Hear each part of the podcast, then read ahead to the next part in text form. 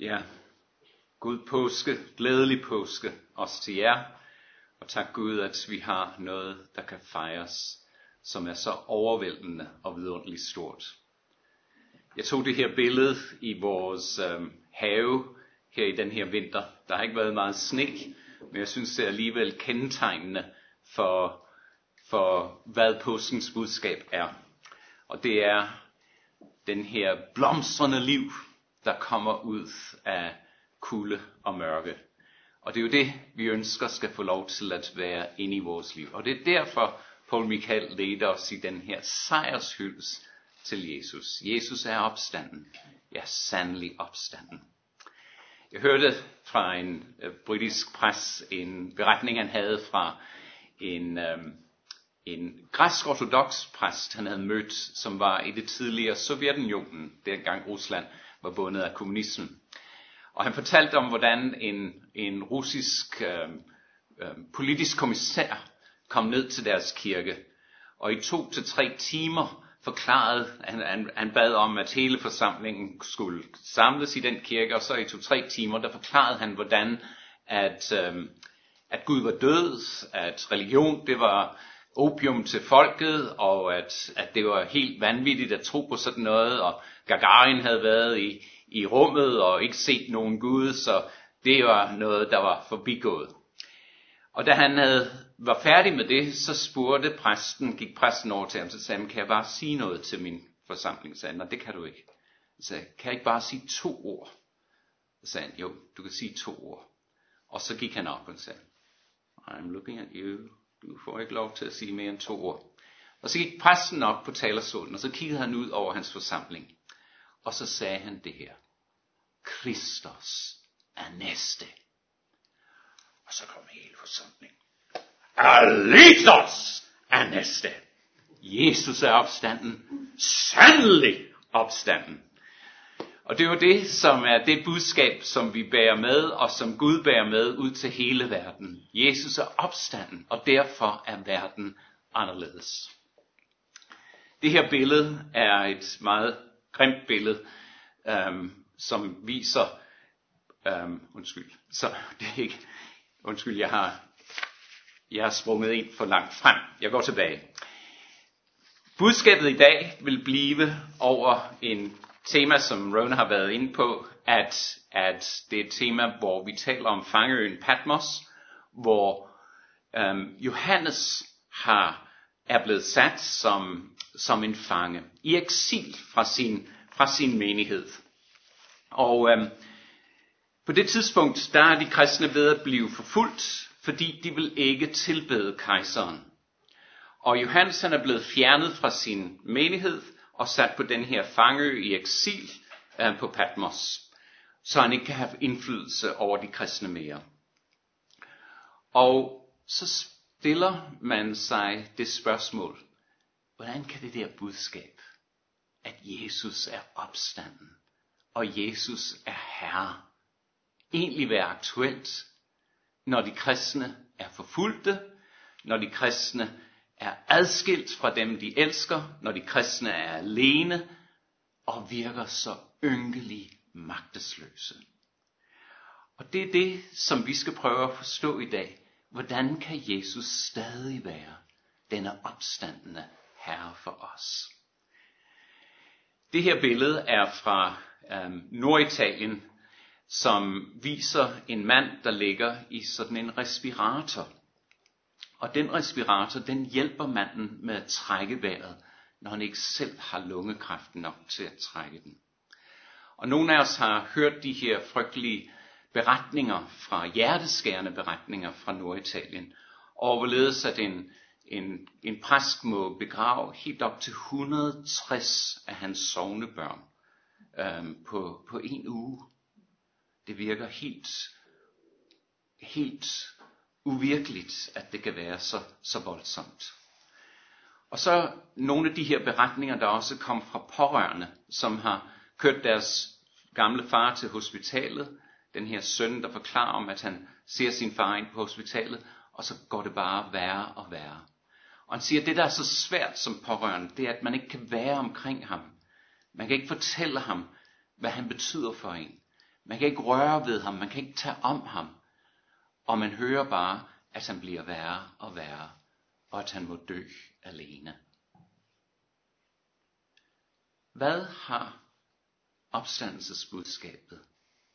Hvad har det at sige til en sådan mand, som mister sin far på den måde? Men lad os tage det vers, som Rona har, har, har, har talt om og hjulpet os til at lære. Og nu vil jeg prøve at, at, at I kan sammen læse den sammen med mig, og så vil jeg prøve at gøre fakterne, som vi har lært. Og Johannes skriver her, da jeg så ham, faldt jeg ned for hans fødder som død. Men han lagde sin højre hånd på mig. Og nu skal jeg prøve at se, om jeg kan huske det.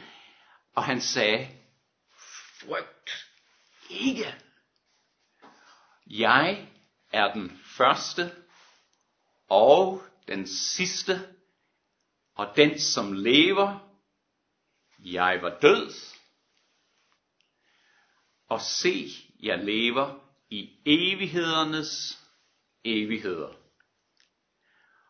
Og jeg har nøglerne til døden og dødsriget.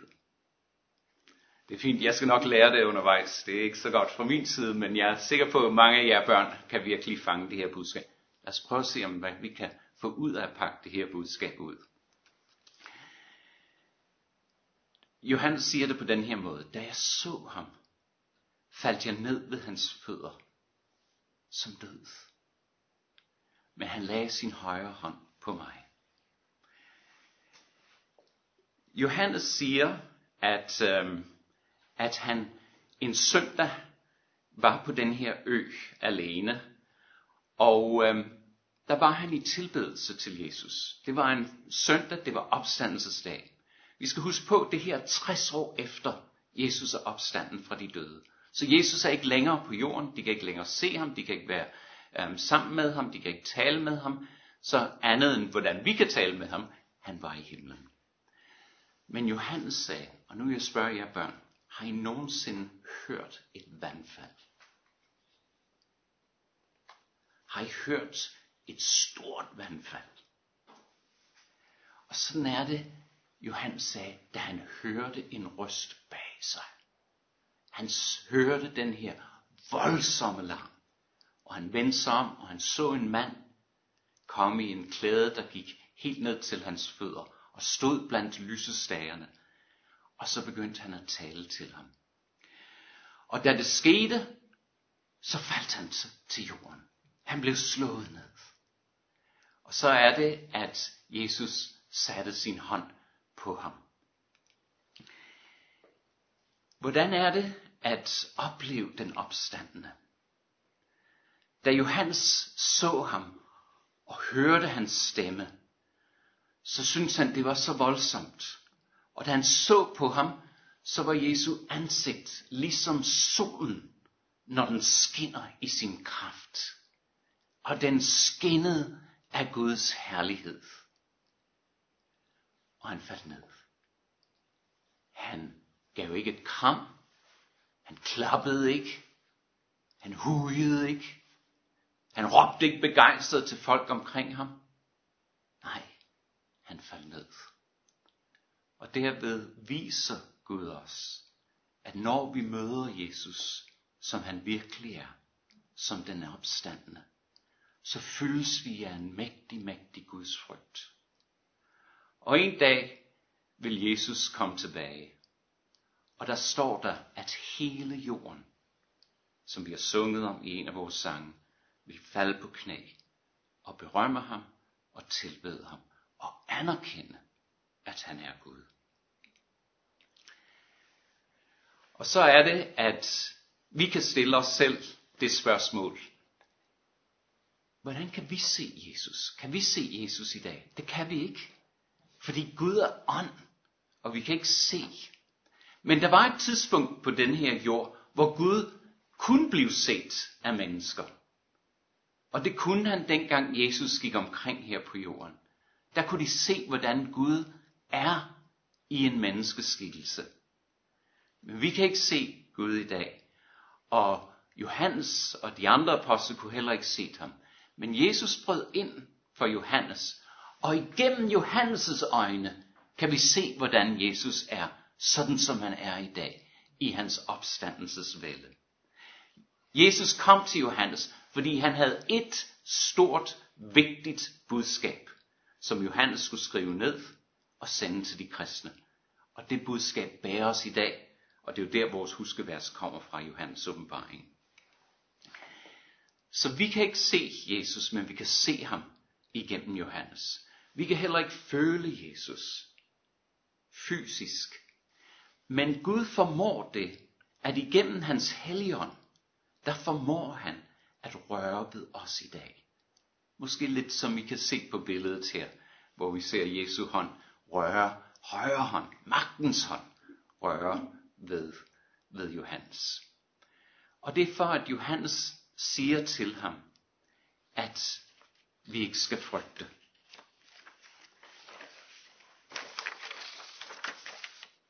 Så vi, skal, vi kan se, siger Johannes, vi kan se ham igennem, hvad Bibelen beskriver ham, men vi kan også høre, hvad Gud har at sige til os, ved at vi læser i Bibelen. Og Jesus siger her til Johannes, frygt ikke.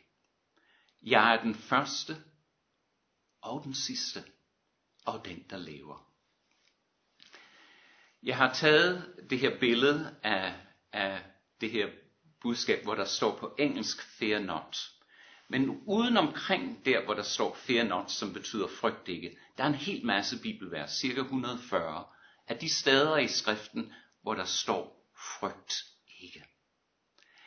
Og det er med til at fortælle os, at Gud har et vigtigt budskab til os i en tid, som er rigtig vanskelig, som også vores tid er i dag. Og det var et budskab, som også Johannes havde brug for at høre, fordi han var bange. Han var usikker. Han vidste ikke, hvad der skete med hans menigheder, og hvad ville der ske med ham.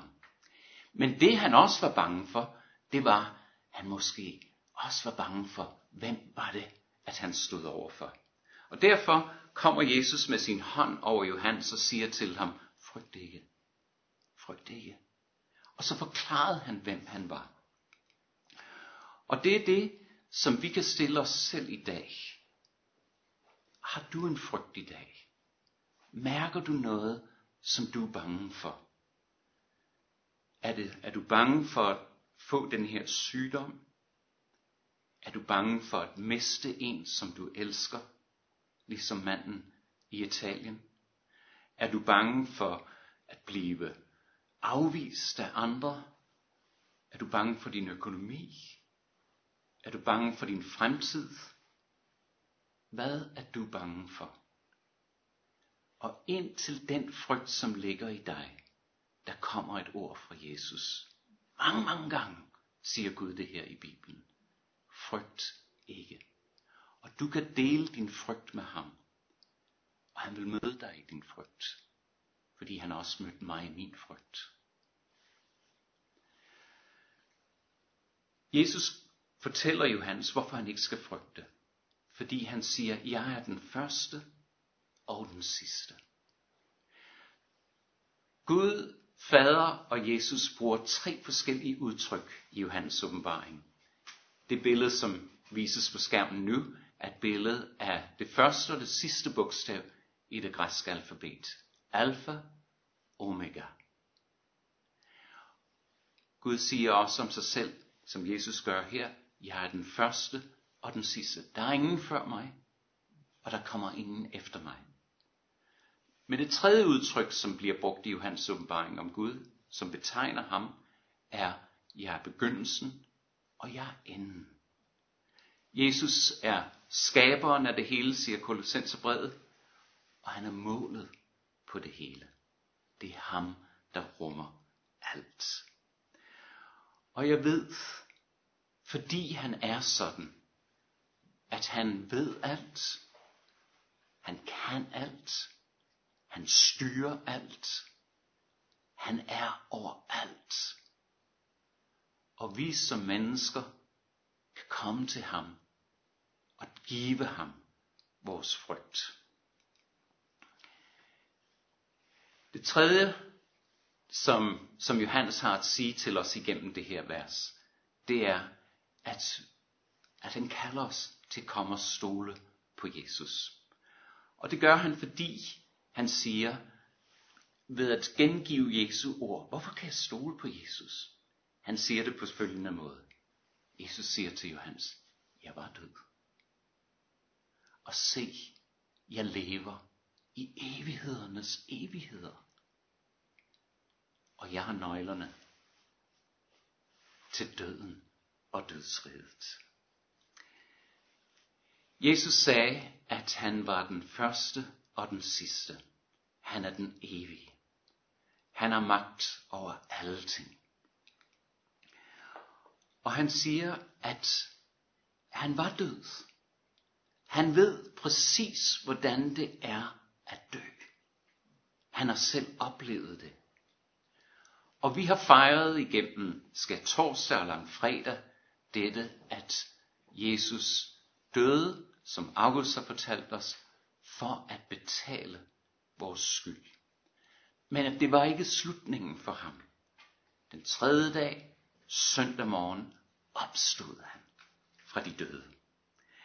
Og han overvandt døden. Og Jesus har i sig en hel masse liv i sig, som han ønsker at give til dig og mig. Se, jeg lever i evighedernes evigheder. Johannes, jeg lever der, hvor Gud er. Og hvor Gud er, er alt i overensstemmelse med Gud. Og jeg har livet fra Gud med til os. Og en dag kommer jeg tilbage, og med Guds liv kommer jeg til at forvandle hele skaberverdenen. Hele tilværelsen vil jeg skabe. Og den mulige fremtid har du og jeg, hvis vi tager imod Jesus som vores Herre og Frelser. Så åbner han os vejen. Fordi det sidste, vi skal kigge på, det er, at Jesus siger, at han har de her nøgler. Han har nøglerne til døden og dødsriget. Udtrykket nøgler i Bibelen taler om autoritet, retten, magten til at bruge nøglerne. Og Jesus på korset, han tilintetgjorde Satan, han tilintetgjorde synden, og han tilintetgjorde vores død. Og han, be, han betalte for det, han gennemførte, han forlite os med vores dommer, som må i rette dømme os retfærdigt, men Jesus betalte straffen i stedet for Svend og dig. Og Jesus har de her nøgler. Og han har nøglerne til at sætte dig fri. Og når han bruger de nøgler, vi mennesker, vi frygter døden. Fordi vi kan ikke styre døden. Vi har ingen magt over døden. Men Jesus siger, jeg har. Og jeg kan bruge de nøgler i dit liv. Og jeg kan løse op for fængselsportene, der binder dig i dit liv. Og jeg kan sætte dig fri hvis du vil komme til mig.